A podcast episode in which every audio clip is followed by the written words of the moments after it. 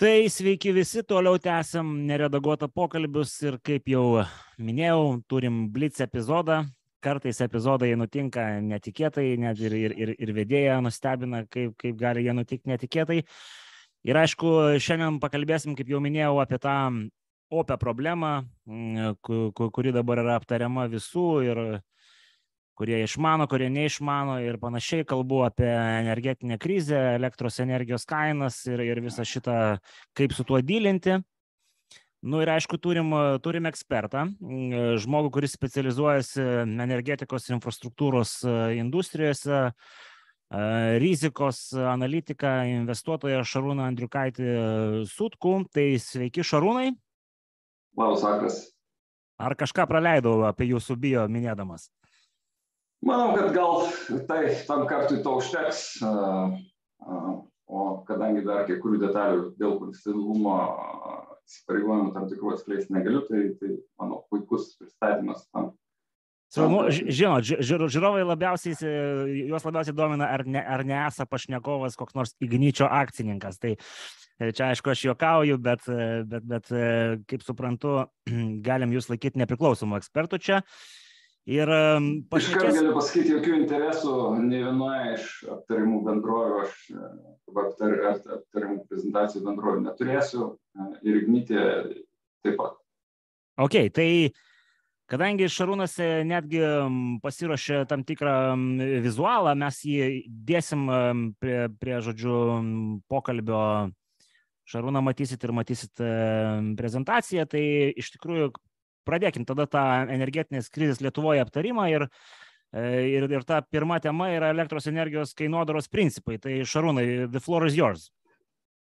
Taip, tai kaip aš e, ir kalbėjau su Edvinu, mes skirstysim šitą mano prezentaciją į keturis tokius e, keturis punktus.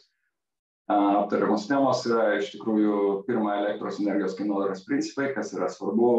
Daug žmonių dabar mėto įvairias, reiškia, elektros kainų už kilovatvalandę sumas ir lygius, bet vargu ar supranta, kaip, kaip formuojasi netgi baziškai elektros kainodara.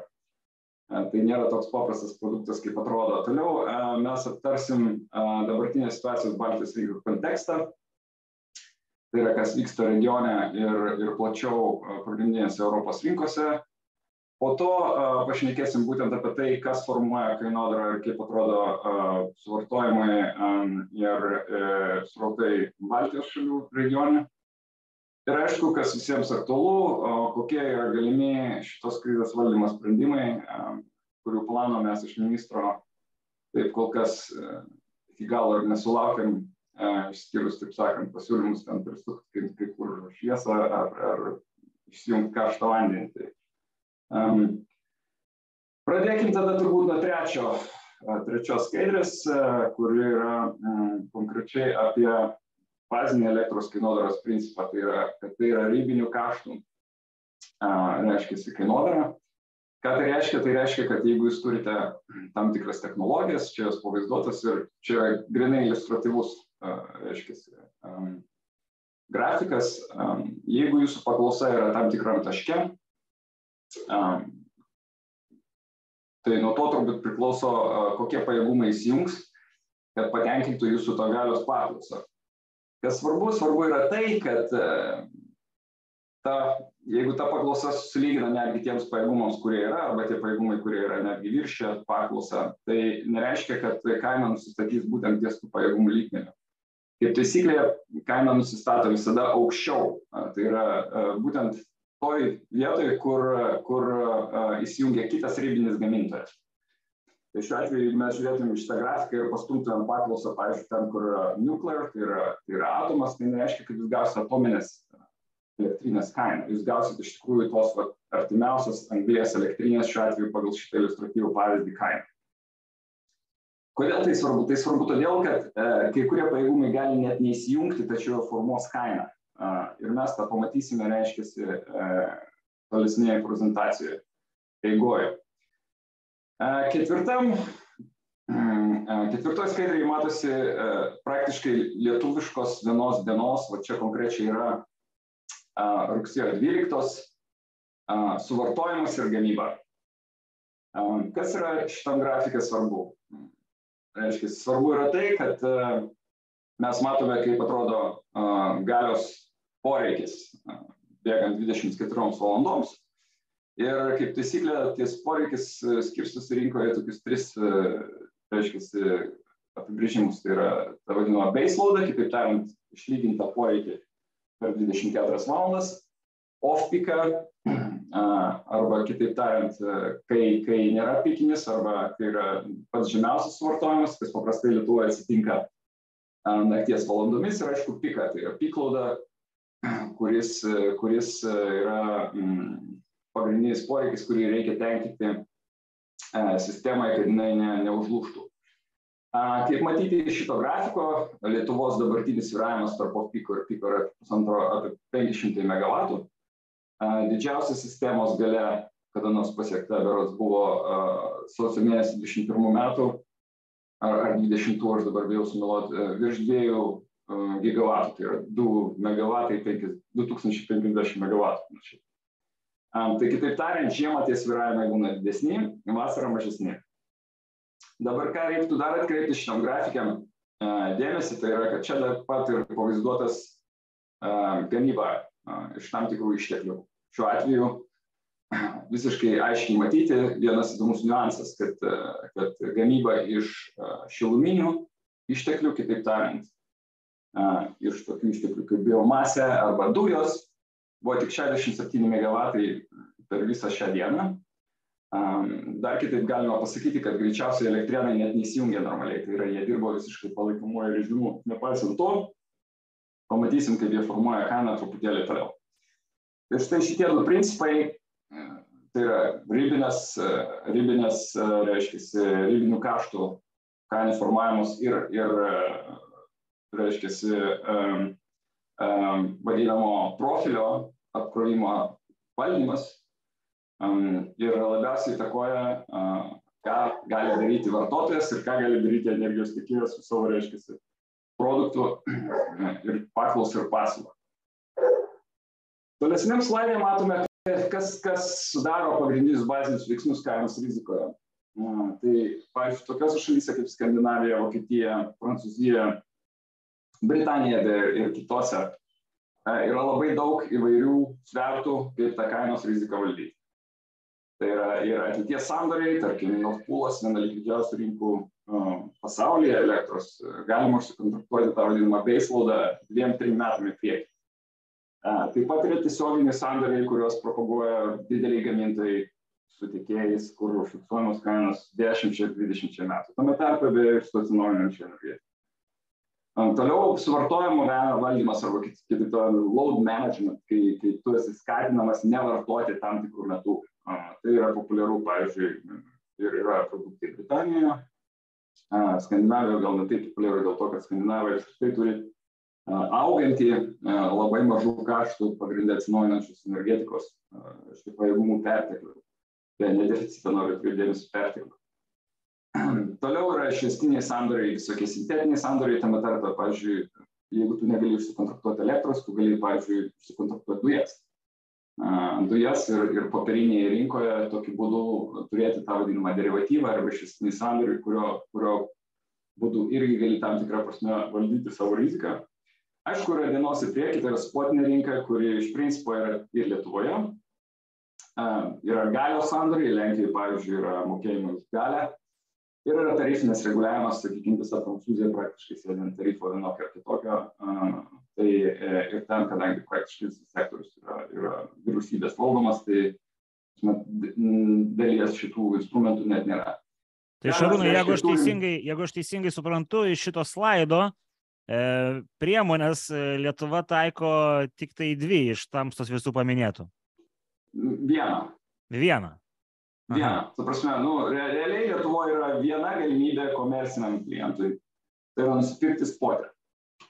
Jeigu tu esi sofistikuotas labai vartotojas, nu, bent jau Perlas norėjo tokiu būti, tu galėjai bandyti užsikontraktuoti Nord Pool rinkoje, bet ten po to susidurėma su tam tikrais sunkumais, mes pamatysim su kokiais, kodėl jie, kodėl jie iš tos rinkos išėjo. Tam, tam daryti dar plus reikalingas didelis balansas. Tai yra, kitaip tariant, tu turi turėti nemažą finansinį svertą, kad galėtum palaikyti, reiškia, biržos poziciją. Um, tai va, tai um, ką tai visą tai reiškia? Tai mm, reiškia, kad pagrindė vakarų komerciniai ypač klientai šiuo metu yra užsikontraktavę apie 70 procentų savo elektros energijos 2021 metų kainą. Pavyzdžiui, Fortumas atvirai atskleidžia, kaip jie parduoda ateities rinkoje savo komerciniam vartotojams ir kiek jie yra pardavę savo planuojamų generacijos pajėgumų. Metų pradžioje turėjo pardavę 70 procentų, kas yra trijų metų, tas vadinamas rolling hedge. Um, ir, ir dėl šios priežasties, sakykime, toje spotinėje rinkoje, tose šalise, mm, yra iš vienos pusės labai e, nedidelė dalis žaidėjų, kuriems reikia praktiškai užsidengti piką arba tos pikinius srautus. Ir iš kitos pusės tų pajėgumų, kurie eina į spotinę rinką, irgi toks, nu, tam tikras apribojimas yra. Būtent dėl to, kad yra kontraktų struktūra, didžiulė kontraktų struktūra, kuri iš tikrųjų e, visą tą rinką ir, ir veža. Tuo tarpu Lietuvoje mes turime vieną vienintelį dalyką, tai yra day ahead kainos. E, kitaip tariant, spotinės kainos ir kai ministras džiaugiasi, kai jis užsikontraktavo, aišku, dujų poreikį 12 mėnesių į priekis, pamiršta pasakyti, ar jisai užsifiksavo kainą.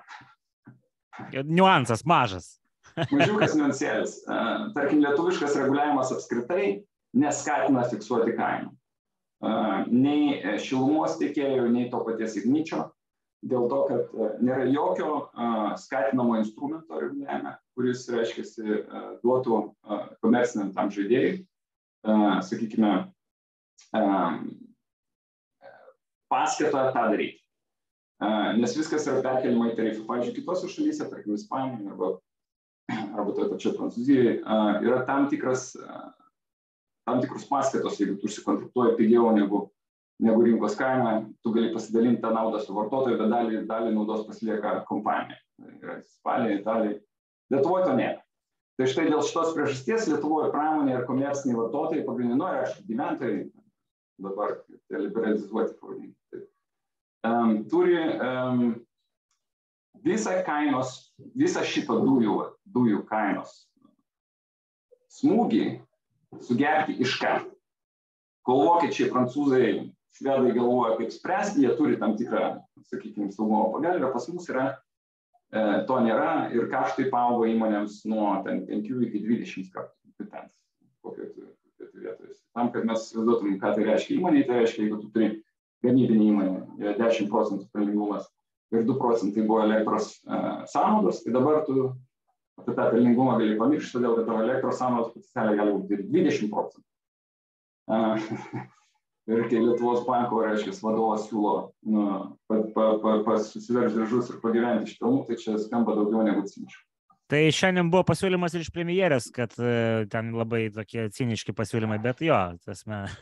E, tai, tai, tai tik tai parodo, kad, e, kad šitie žmonės arba jie nesupranta, kaip, kaip veikia elektros rinka, arba jie uh, specialiai daro kažką kitką. Galbūt mes prie tų išvadų irgi prieisim. Tai, va, tai dabar čia toks yra kontekstas. Dabar reiškia, kas, kas yra, e, tai yra, nu, mes tik pašnekėjom tos pagrindinius principus elektros formavimo, ką reikia valdyti, kaip tai yra daroma civilizuotas šalis ir kas vyksta. Dabar, reiškia, jeigu imsim kontekstą, tai visi turbūt jau matė šitą grafiką, e, kitam, kitą skaidrę šeštoj, e, būtent tai yra dujų kainos vieną mėnesį priekį grafikas Ir e, iš to grafiko matyti vienas dalykas, aš niekam nepasakysiu, kodėl, kodėl jis toks yra, ta prasme dėl to, kad Rusija užsuko savo dujų kiekius, pagrindę vokiečiams ir, ir akivaizdu, kad, e, kad pakeisti tokio kiekio rinkoje per mėnesį ar du neįmanoma. Ir visą tai įtakoja uh, ribinė dujų kaina. Bet um, aš čia noriu atkreipdėmėsi, kad vat, būtent kai ministras sakė, kad jis pavasarį užsikontraktavo kiekius, tai galim pamatyti, kaip tas grafikas po truputį šliaužia aukštyn, aukštyn, aukštyn, aukštyn, kol pasiekia savo absoliutų piką praktiškai rugsėjo pradžioje. Ir, ir faktiškai tai tą, tą dieną, nu, gal ne visai tą dieną, tai buvo 4000 eurų už megavatvalandę ta kaina Lietuvoje. Va, ir tai va, tai dujų kainos reiškia, akivaizdu, kad yra maržinės kainos ir, ir Lietuvoje taip pat, nes pas mus pamatysim to, kas, kas vyksta pas mus. Ir dabar, jeigu paimsim kontekstą, vėlgi ta pati yra 12 rugsėjo čia, mes pamatysim, kad Lietuvoje kainos yra 424 eurai už megavatvalandę, Latvijai panašios, Estijoje 250, Švedijos pietinės sezonas 360, Vokietijai 408, Prancūzijai 417. Okay? Tai iš, iš vienos pusės kai kurie žmonės, kurie teigia, kad ir vakarų verslai moka tas didelės kainas, jie yra teisūs. Taip, kaina dabartinėje DFL rinkoje yra didelė. Taip yra dėl skirtingų priežasčių kiekvienoje šitų rinkų. Prancūzijoje dėl sausros ir reaktorių, taip sakant, aptarnavimo techninį, nes jie nori visus reaktorius turėti žiemą. Vokietijoje akivaizdu dėl dujų kiekio trūkumo. Švedijai dėl to, kad jie eksportuoja mums ir vokiečiams. Tas pats pasakytina ir apie Suomės. Bet, bet, bet įdomus niuansai, kodėl, pavyzdžiui, kaina Estijoje yra 260, o Lietuvoje 424, prie to mes dar prieisim. Taip? Ir, ir kaip aš ir minėjau, tas, tas tik yra tik dalis tiesos, nes šitą kainą verslai nejaučia visą, tai yra maždaug dabar, dabar jie jaučia apie 30 procentų savo elektros Čia dėl to, kad jie yra užsikontraktavę kainas. Taip, dėl to, kad yra tarifai, kontraktai, pavyzdžiui, Lenkijoje kaina yra 153 eurai už megavatvalandę, vidutinė. Lenkai viską kontraktuoja vienu metu forwardais, absoliučiai visas kiekis būna užkontraktuotas praktiškai metų pradžioje. Ir, ir jie dabar laiko save kaip salą ir neleidžia, ilgą laiką buvo viena brangiausių rinkų Europoje, dabar jie tiesiog tapo viena pigiausių rinkų ir jokių būdų neleidžia šitai šitai kainai kilti. Kas bus kitais metais pas Lenkus pamatysim, akivaizdu, kad kaina kils, bet kad nekils tiek daug, kiek pas mus, tai faktas.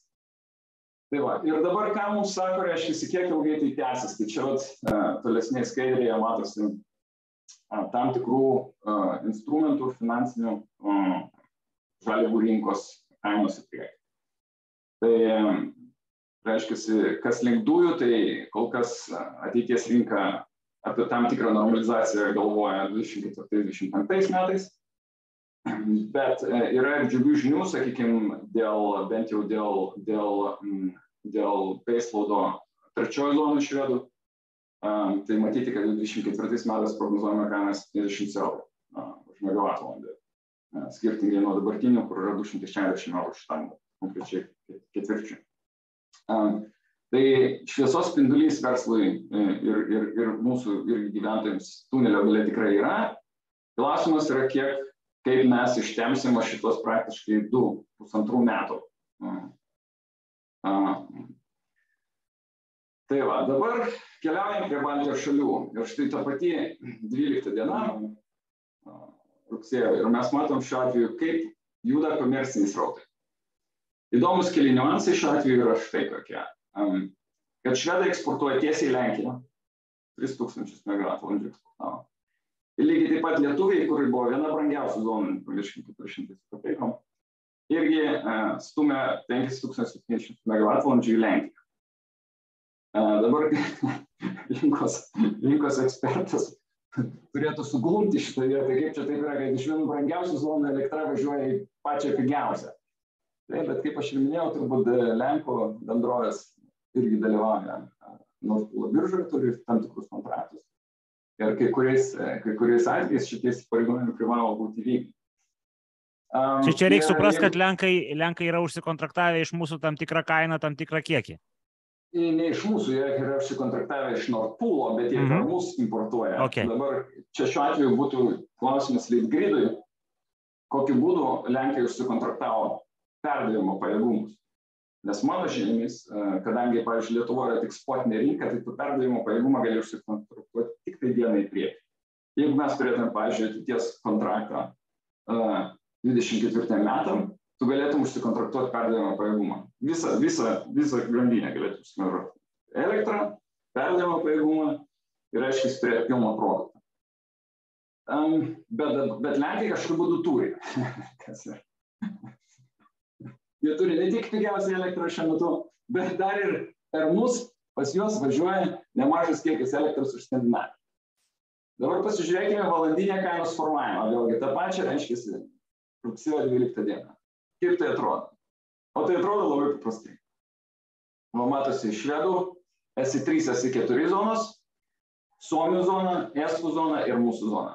Jeigu sulyginsite mūsų zonos ir švedų zonos kainas, jos yra praktiškai identiškos didžiąją dalį laiko. Praktiškai identiškos. Tuo tarpu estų kainos yra praktiškai, suomių kainos praktiškai identiškos estų kainos. Kodėl yra toks didelis skirtumas tarp lietuvių ir estų? Todėl, kad estai turi savo generaciją. Ir dalis jų generacijos, tai yra būtent skalūnų alyvos generacija, 800 MW jų generacijos yra pakankamai efektyvūs, kiti 400 yra neefektyvūs. Tie 400 neefektyvūs ir nustato ribinę kainą. Nes suomiai puikiai žino, kokia yra ribinė kaina pas jas. Lygiai taip pat švedai puikiai žino, kokia yra kaina pas lietuvių. Jie puikiai žino, kas turi įsijungti ir kaip visą tai turi veikti. Tai reiškia, kai ministras sako, kad mes nustatydami žemesnę kainą subsidijuosime švedus, tai mes jau jau subsidijuojam, nes mes jiems mokam pilną kainą. Aš nežinau, ką, ką kaip dar tą galima būtų pavadinti, jeigu nesubsidijavim. Bet jeigu pasižiūrėsim sekančią skaidrę, jinai atskleidžia keletą įdomybių. Tai aš pavadinau tai netipinė diena, nežinau, ar tai turėtų būti netipinė diena, o gal tai turėtų būti labiau tipinė diena negu, negu kitas. Ir jūs pamatysite, kad šitoje skaidrėje švedų kaina krenta iki 60 eurų, 66 eurų megavatvalandę. Suomijoje kaina 704, Estijoje kaina 705, o Lietuvoje 466. Žiaurus tamstos juokas išduoda kažką. Ne rugsėjo 13, tai yra antradienis. Nu, tu prasme, tai yra šiandien. Tai yra va, va, vakar, dėjedas šiandien. Uh, tai, uh, tai dabar toks klausimėlis, aišku, jūs suprasite, yra du klausimai. Tai kodėl tai yra? Vienas dalykas, tai greičiausiai todėl, kad Skandinavijai užpūtė vėjas, paleido elektros hidro atsidarė kažkoks tai uh, uždarytas blokas atominis ar panašiai, tai yra vienas ir paprasčiausiai neįmanoma prastumti to kiekio per švedų zoną, nei į Vokietiją, nei į Lietuvą. Ir aš manau, kad tokių dienų bus vis daugiau. Um, ir antras dalykas, aišku, kyla natūralus klausimas, kasgi uždirba iš to didžiulio skirtumo tarp Lenkų 160 lietuvių 460 ir švedų 66 ir 460. Tai šitoje vietoje uždirba viena bendrovė, kuri yra 100 procentų valstybės valdoma ir jinai vadinasi Litgrid. Nes, ta, nes, nes jeigu, tu, jeigu tu nori kontraktuoti pajėgumą, tai yra labai daug norinčių, jie užsikontraktuoja pajėgumą, bet dėl to kainas patiria Švedija yra žema. Tai, tai štai dabar važiuokime toliau. Suvaldymo sprendinys. Realybė yra tokia mūsų trys Baltijos šalis po to, kai nusprendė nebepirkti iš Baltarusijos Rusijos elektros, jos tapo visiškai energetinė sala su trim laidais. Vienas eina į Švediją už 700 MW, kitas eina į Lenkiją 500 MW ir trečias du laidai į Suomiją bendrojo pajėgumo 1000 MW. Kadangi nuo savos gamybos nepakanka, ypač Lietuvoje.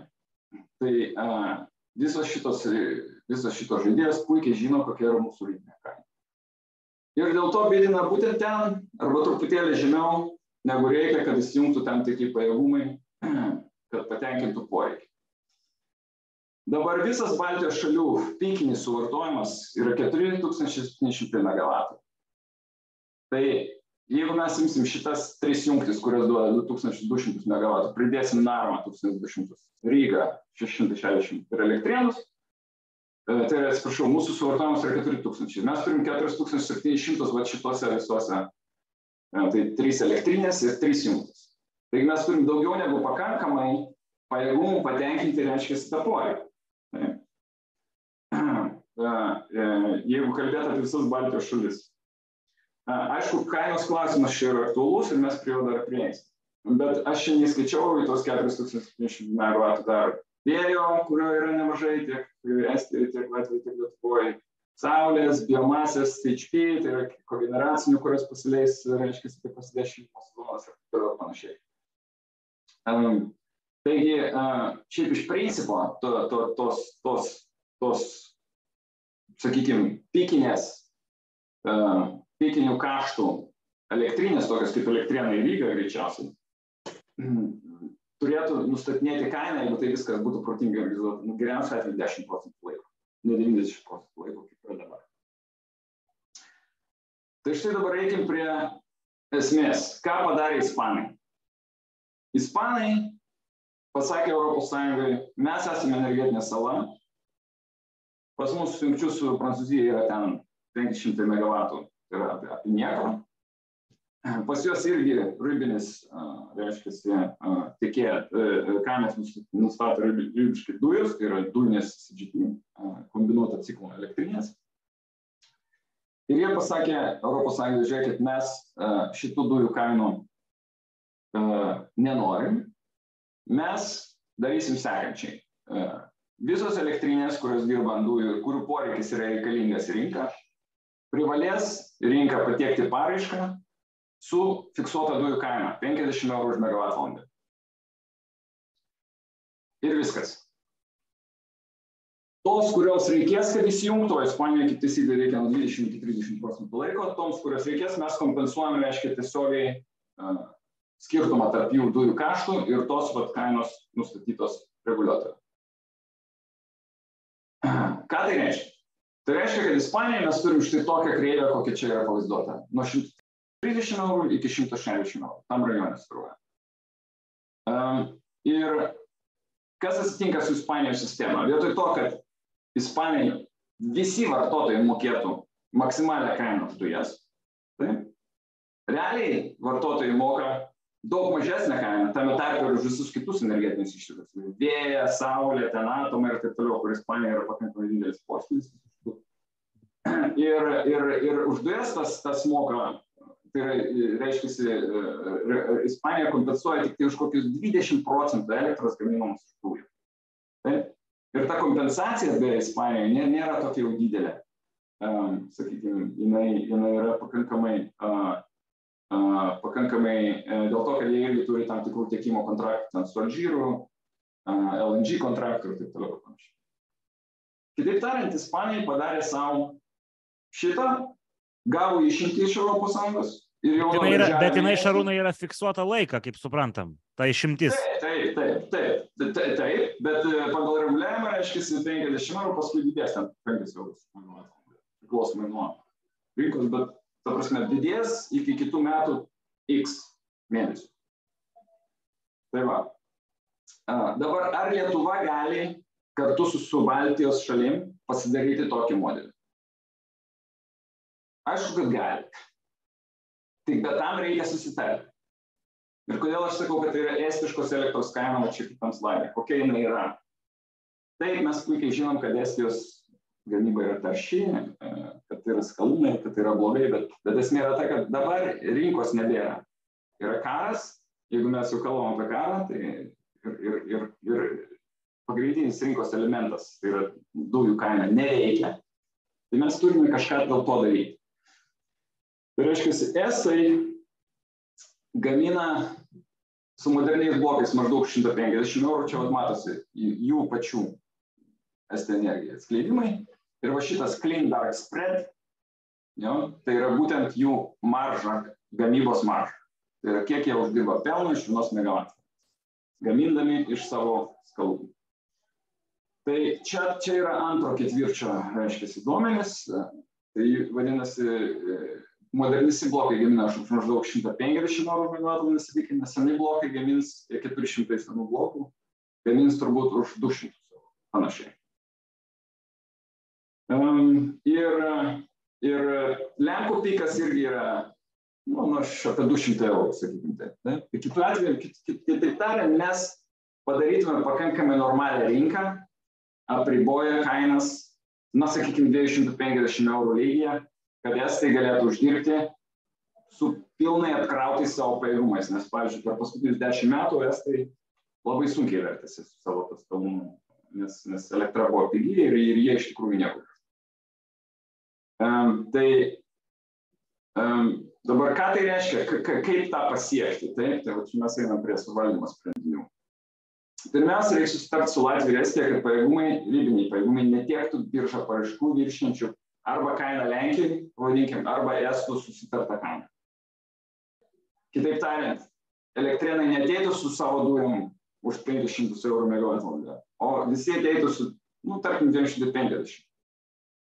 Aš galiu garantuoti, kad švedai tieks lygiai taip pat laimingai, kaip dabar tiekim ir dar netgi apsidžiaugs, todėl kad mes numušime kainą jų zonoje, padarė mažesnę kainą pas save, nes kiekvienas švedas žino, kad ten yra socialistinė valstybė, jinai viršpelnius tikrai apmokestins šimtų procentų.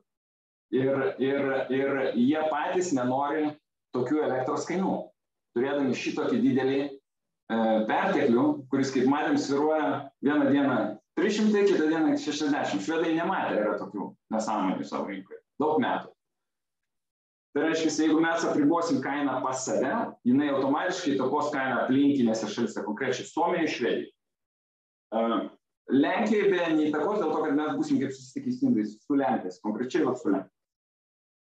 Dabar reiškia, fiziniams perdavimo srautams Baltijos šalyse, kurių tikrai pakanka, E, reikia pritaikyti neįmonių kaštų principą, tai yra, kad kuo lengviau tą elektrą tekėtų tarp trijų Baltijos šalių, kad susilygintų kainą. Pasiekus bastos kainos, apriboti bet kokį eksportą į visas kitas šalis. Tai yra į Švediją, į Lenkiją, į Suomiją, apskritai niekur.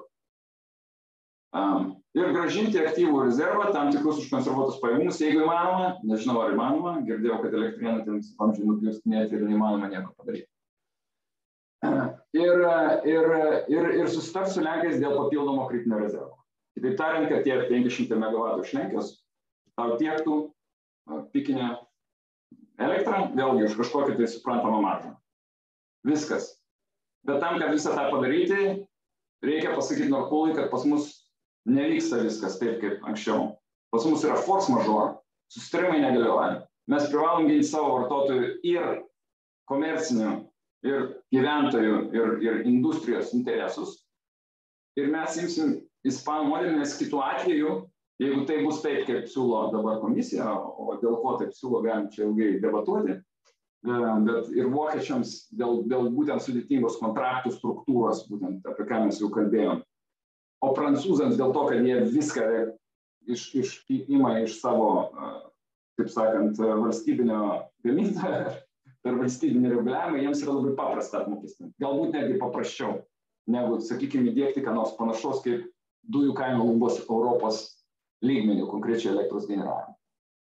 Tai vat, mums reikia pasidaryti salą, pasakyti, kad mes esam ekstremalioje situacijoje.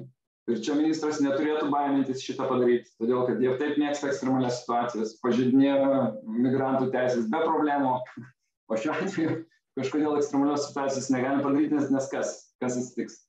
Pažiūrėsim kažkokios tai Nordpūlo rinkos kažkokias tai taisyklės, kurios mums iš principo dabar mirk užsimuš niekaip netinka.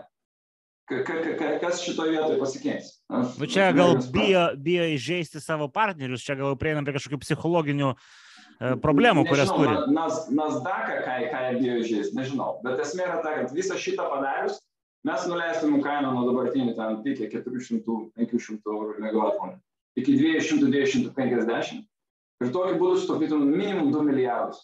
Ir beje, tie 10 procentų laiko, jeigu reikėtų veikti ten Narvai ar, ar, ar elektrienam, ar, ar galų galia tai pačiai Rygai, Rygai reikės veikti bet kuriuo atveju dėl to, kad jinai turi tiek ir šilumą, tai e, tikrai kainuos daug pigiau, daug pigiau negu tai, ką mes dabar darom. Tai yra išvežinėjom pinigus grinai, nu tiesiog, nežinau, fūrom, sastatais, kaip jūs norite, švedam, suomiam, arba tam pačiam litgridui, taip sakant, kuris atseit kažkada tai turėtų mums gražinti kažkokius tai planus.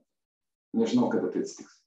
Um, tai čia vienas, taip sakant, viena dalis, tai yra grinai kainos sumažinimas ir nieko nereikėtų niekam kompensuoti, netgi tiem patiem gyventojam, uh, praktiškai galima būtų pasakyti, kad kaina, kaina sumažės labai stipriai ir galima bus versis be viso šito, bet be visokių ten milijardų ir taip toliau, kuriuos atseit per biudžetą reikia prasukti. A, ir toliau kitas blokas pasiūlymų yra susijęs su tuo, kas, kas vyksta dabar ir prevencija tam tikrų dalykų, kad nevyktų taip ateityje. Tai pirma, tai akivaizdu, kad liberalizavimas yra visiškas absurdas šiomis sąlygomis. Kai yra sakoma, kad tie, kurie pasirinko tikėję ten vasario ar kovo mėnesį išlošė, tai Prasme, aš, aš kai žiūriu, kaip, kaip sudaryta igničio kainodara, tai ten tiek daug visokių fokusų už poso, kad, nu, ta prasme, ten viskas padaryta taip, kad šitą kompanija tik tai laimėtų. Jeigu jinai tau atiduoda kokį euro centą ar du šiais metais, tai jinai pasima trys atgal kitais nes, nes kainodaros formavimas buvo lygiai aplink tos pačius formus. E, bet tuo pačiu, pavyzdžiui, labai keistai atrodo, kai tu, tarkim, tarifė išmanus, turi mokėti vidutinę e, biržos kainą, nors turi du, du skaitliukus, tai yra dienos ir nakties, taip. Ir, ir gauni tik tai iš reguliuotojo tą vat, reguliuotojo perdavimo ir skirstimo, reiškia, tenai yra įdėta 4 euro centų paskata, reiškia, tau uh, tau vartoti naktį, o ne dieną. Tai tuo tarpu biržoje, biržoje nakties ir dienos, ypač skiriasi keliasdešimt centų kartų. Galima tiesiog pasakyti, žiūrėkit, nu, davai padarom vidutinę kainą naktį ir vidutinę kainą dieną ir tada kiekvienas vartotojas reiškia, arba, nu, to vadinamo nepiko metu, tai yra naktį ir savaitgaliais. Ir kiekvienas vartotojas tada gali pats savo pasidaryti, nes tada yra nauda, nes dabar, kai galim vidutinę visos biržos kainą, niekaip jos neįtako. Čia tik keletas pavyzdžių šito, šito, reiškia, šito, šito liberalizavimo keistybių. Jo, kad vis tiek turim monopolinį tiekėją iš esmės, kuris netgi pagal Lietuvos dabartinius įstatymus privalo būti reguliuojamas. Jau nekalbant apie tai, kad, prasme, nes jis yra dominuojantis, bet kuriuo atveju. Mes turim vieną monopolistą, tai yra valstybinė įmonė Ignitis, 7 procentų rinkos, kitus 30 pasidalina kitas monopolistas iš Latvijos ir Estijos. Irgi valstybinės įmonės. tai, tai kur čia tie privatų žaidėjai? O Perlas, Perlas užsilenkė dėl to, kad jis negalėjo paprasčiausiai užkontraktuoti tų vat, tarp, tarp dienos į priekį pajėgumų, perdavimo, niekaip. Jisai galėjo sukontraktuoti iš dalies nuotpulę kainą, bet tai yra viskas. Viskas, ką galėjo padaryti. Reiškia, toliau, tai, tai čia reguliavimo, šitą liberalizavimo, galima sakyti, atsukimas arba laikymas stabdymas, kaip jūs norite pavadinti, bet čia turi reguliuotojas įdėti normalias pastangas, kad tai padaryti. Kaip ir antram punktui, tai yra visokių dedamųjų peržiūrą, kiek įmanoma pertvarkant, kad išdėstyt kažką, kažkokią dalį laikę, tarkim, tas vadinamas tarifo deficitas, tokios um, tokios, uh, tokios sampratos puikiai veikia ir Ispanijoje, ir Portugalijoje, ir Italijoje, taip, tai nėra, jų nėra Švedijoje ir Norvegijoje, bet, bet Švedija ir Norvegija niekada neturėjo tokių kosminių elektros kainų. Tai tenai buvo išdėliota dalis tų pabrangimų per keletą metų, leidžiant tam tikrą, sakykime, gražą. Mažinti PVM iki 9 procentų, mirkus simuš, tikrai reikėtų ir tai padėtų nemažai daliai, ypač smulkių vidutinių įmonių Toliau kalbant apie ateitį, tai būtinai... Šarūnai, čia dar tada klausimas dėl, dėl PVM, nes nu, visi, kai kas nors prakalbsta apie mažinimą, iškart yra kalbama, kad e, biudžetas ten nukentės, įsipareigojimai mūsų, žodžiu, kiti dalykai. Kaip pačiam atrodo tokie dalykai? Nu, aš galiu tik tiek pasakyti, jeigu jūs mokėjote 30 centų, nu, tai yra 30 eurų už megavatvalandę, 19 metais ir nuo to rinkot PVM, o dabar 400 eurų.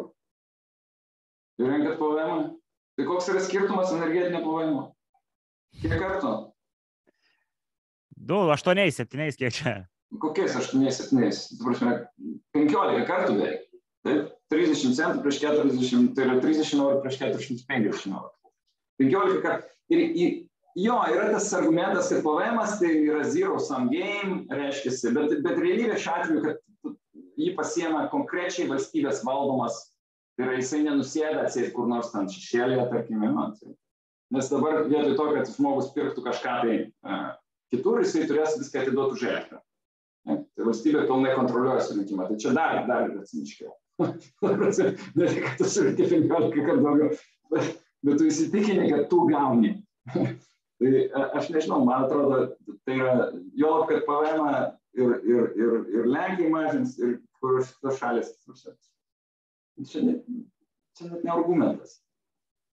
Ir aišku, kalbant apie ateitį, sakau, yra du dalykai. Tai pirmas, forwardo sandariai Nord Pool pagrindų, kuriuos nu, reikia įvesti tam, kad įmonės galėtų kontraktuotis Lietuvoje, Lietuvoje, kad jos galėtų savo, savo perspektyvą matyti energetinių kaštų. Nes dabar šitokioje, šitokioje rinkoje neįmanoma realiai dirbti, aš nesivaizduoju kaip įmonės. Ir, ir, ir aišku, tas pats Saulės elektrinių vajus, kuris čia reiškia to paslaugos modelį, tai tas paslaugos modelis yra itin įdingas, todėl kad Todėl, kad realiai tą elektrą, kurią mes pagaminsim vasarą, niekur tai nepasisaugo. Prasme, ją reikės gražinti vartotojų žiemą, iš kažko ją reikės pagaminti. Jeigu dabar trūksta pajėgumų žiemą, tai, tai ir tada trūks. Nemanau, kad Saulė švies labiau žiemą 2027 metais negu vasarą. Taip, taip nėra.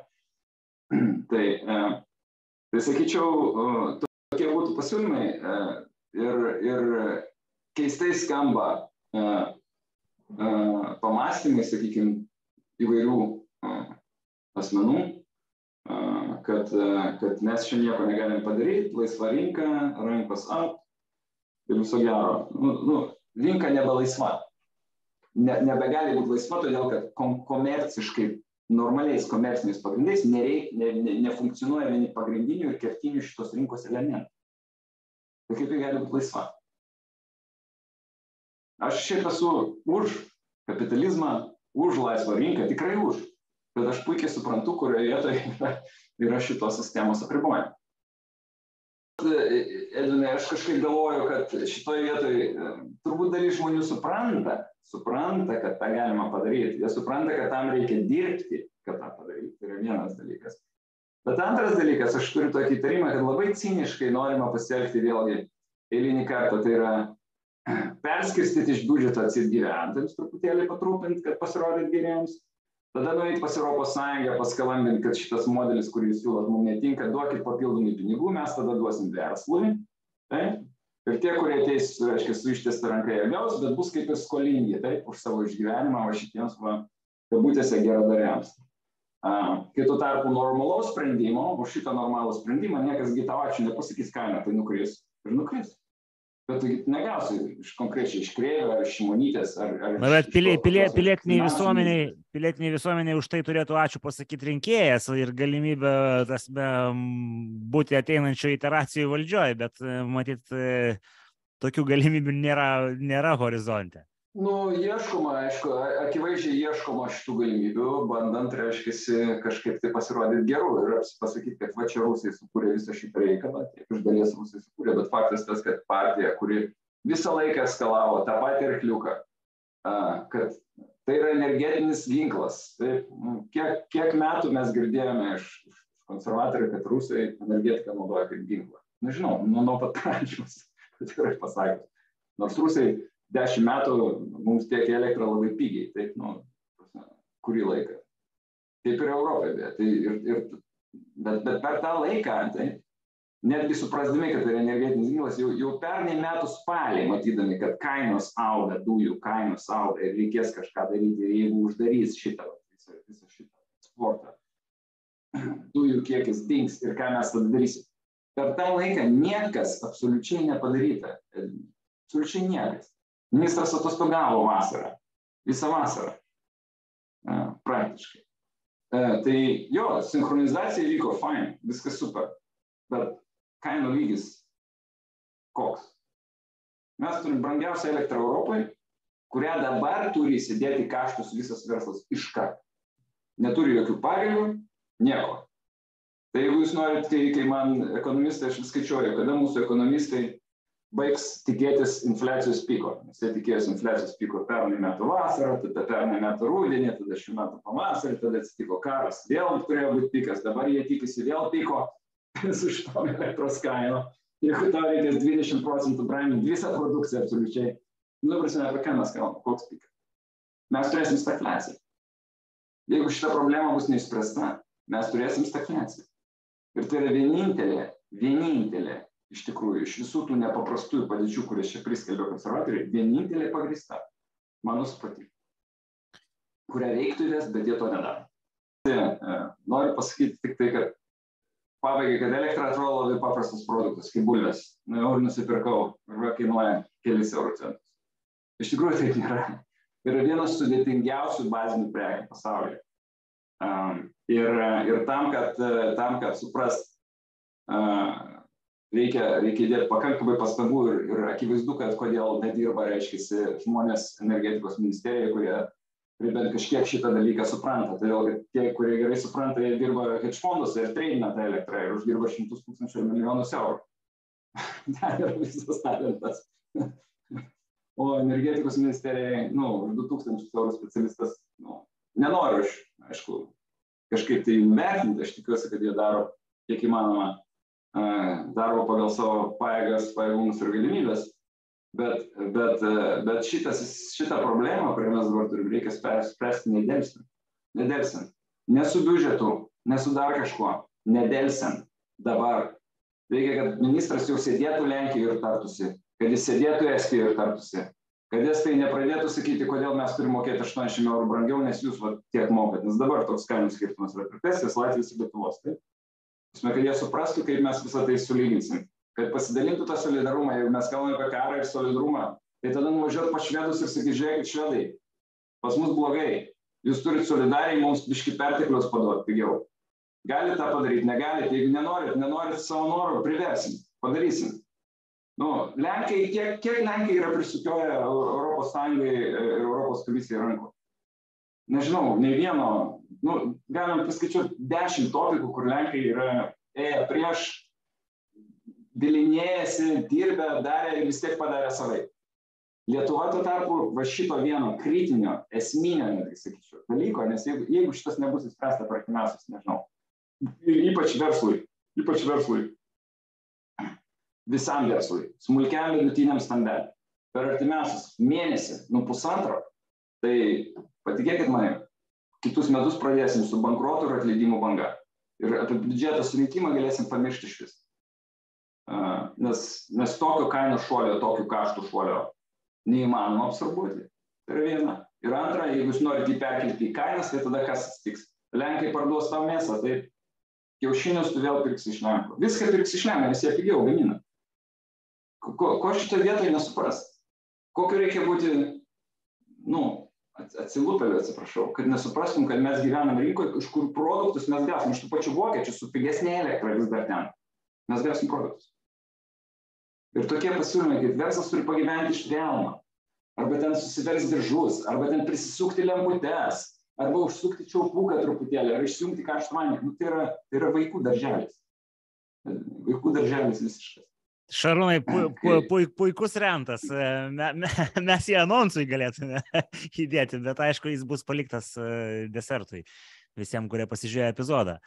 Gerai, Šarūnai, tai, kaip sakoma, neįkvojam tamsus brangaus e, laiko, kuriam e, optimizavimo plano matyti netaip lengva pritaikyti. Uh, Tai va, tai, tai, tai dėkui labai, kad, kad pats mum, kaip sakoma, apsireiškėt ir, ir, ir pasiūlėt tokią, kaip sakoma, seminarą. Čia, matyt, būtų galima pavadinti e, mini seminarų neredaguotą eterį. Tai mes, mes dėkingi.